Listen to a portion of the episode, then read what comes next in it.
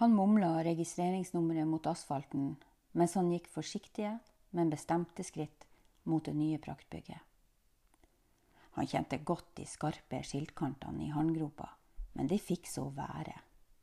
Det skulle smerte å ta farvel med en god venn. Kanskje Iris hadde hatt rett. Kanskje burde han ikke tatt de svarte strømpene i sandalene. Riktignok var det sommer, men det kunne trekke kaldt, og de gamle føttene hans egna seg ikke akkurat for visning i byen. Nei, det var godt han ikke hadde hørt etter. Martin hadde pynta seg denne mandagen. Nystrøkket skjorte med fine, grå striper og blanke, hvite knapper. Han hadde fått den til jul for et par år siden. Iris hadde påstått at det var ti, men ja ja, nå først var riktig anledning. Han hadde kamma det hvite håret nøye og lagt det pent til venstre.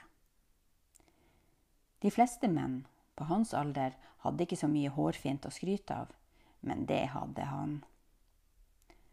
Han dro kammen opp fra baklomma og dro den gjennom luggen en gang til.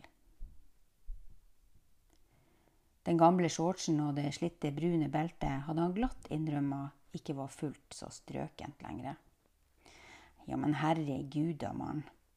Iris hadde slått hendene sammen og stønna oppgitt når han kom ut av badet. Han smilte triumferende. Hun fikk bare stønne. En viss bestemmelsesrett hadde da selv gifte menn. Dessuten så følte han seg trygg i den gamle kakishortsen respektabel lengde og med dype lommer som perfekt romma alle remediene hans. Han ble stående og kikke på de enorme speilblanke vinduene. Mange fugl måtte da ha endt sine dager allerede. Han kunne ikke skjønne noe annet. Så mye folk det sto utafor. Hadde de ikke åpna? Jo, klokka var jo over ti. Det måtte jo være åpent nå. Døra ga ikke etter en millimeter når han dro i den. En hyggelig ung gutt møtte det spørrende blikket hans. Har du bestilt time? Hæ? Hva sa du, bestilt time? Nei, det har jeg da ikke. Her må du ha avtalt time for å komme inn, de åpner bare døra for dem som har det. For å levere inn bilskilt. Martin sukka og satte seg forfjamsa på benken ved inngangen. Men hvordan ordner jeg meg time, da? Det står på døra. Du må gå inn på www.statensvegvesen.no og velge timebestilling. www, hva for noe? Kan jeg ikke ringe? Den unge gutten forklarte vennlig at det eneste han ville møte ved å ringe, var en svarer med samme beskjed. Enda en gang hadde Iris vært i forkant. Men det hadde han ikke tenkt å fortelle henne. Hun hadde insistert på at han skulle kjøpe en sånn der smarttelefon, og at han skulle prøve å finne ut av det der internettet.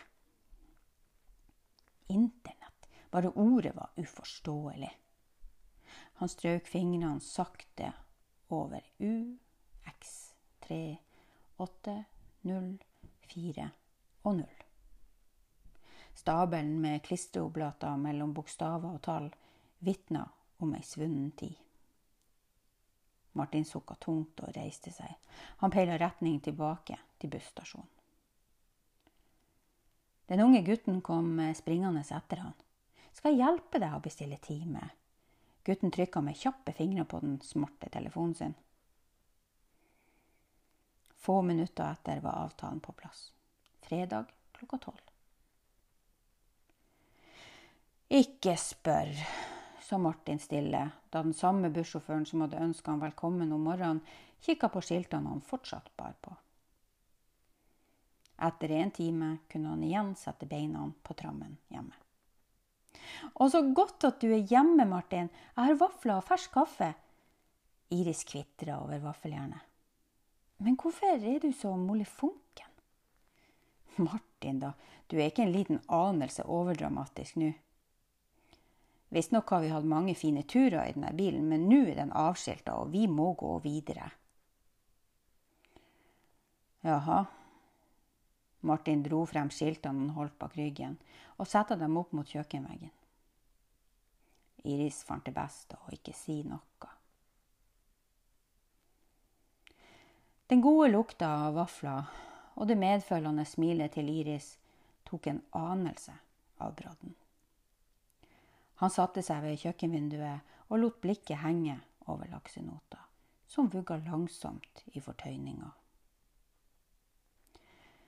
Det er visst ikke bare den gamle bilen dagens samfunn vil avskilte.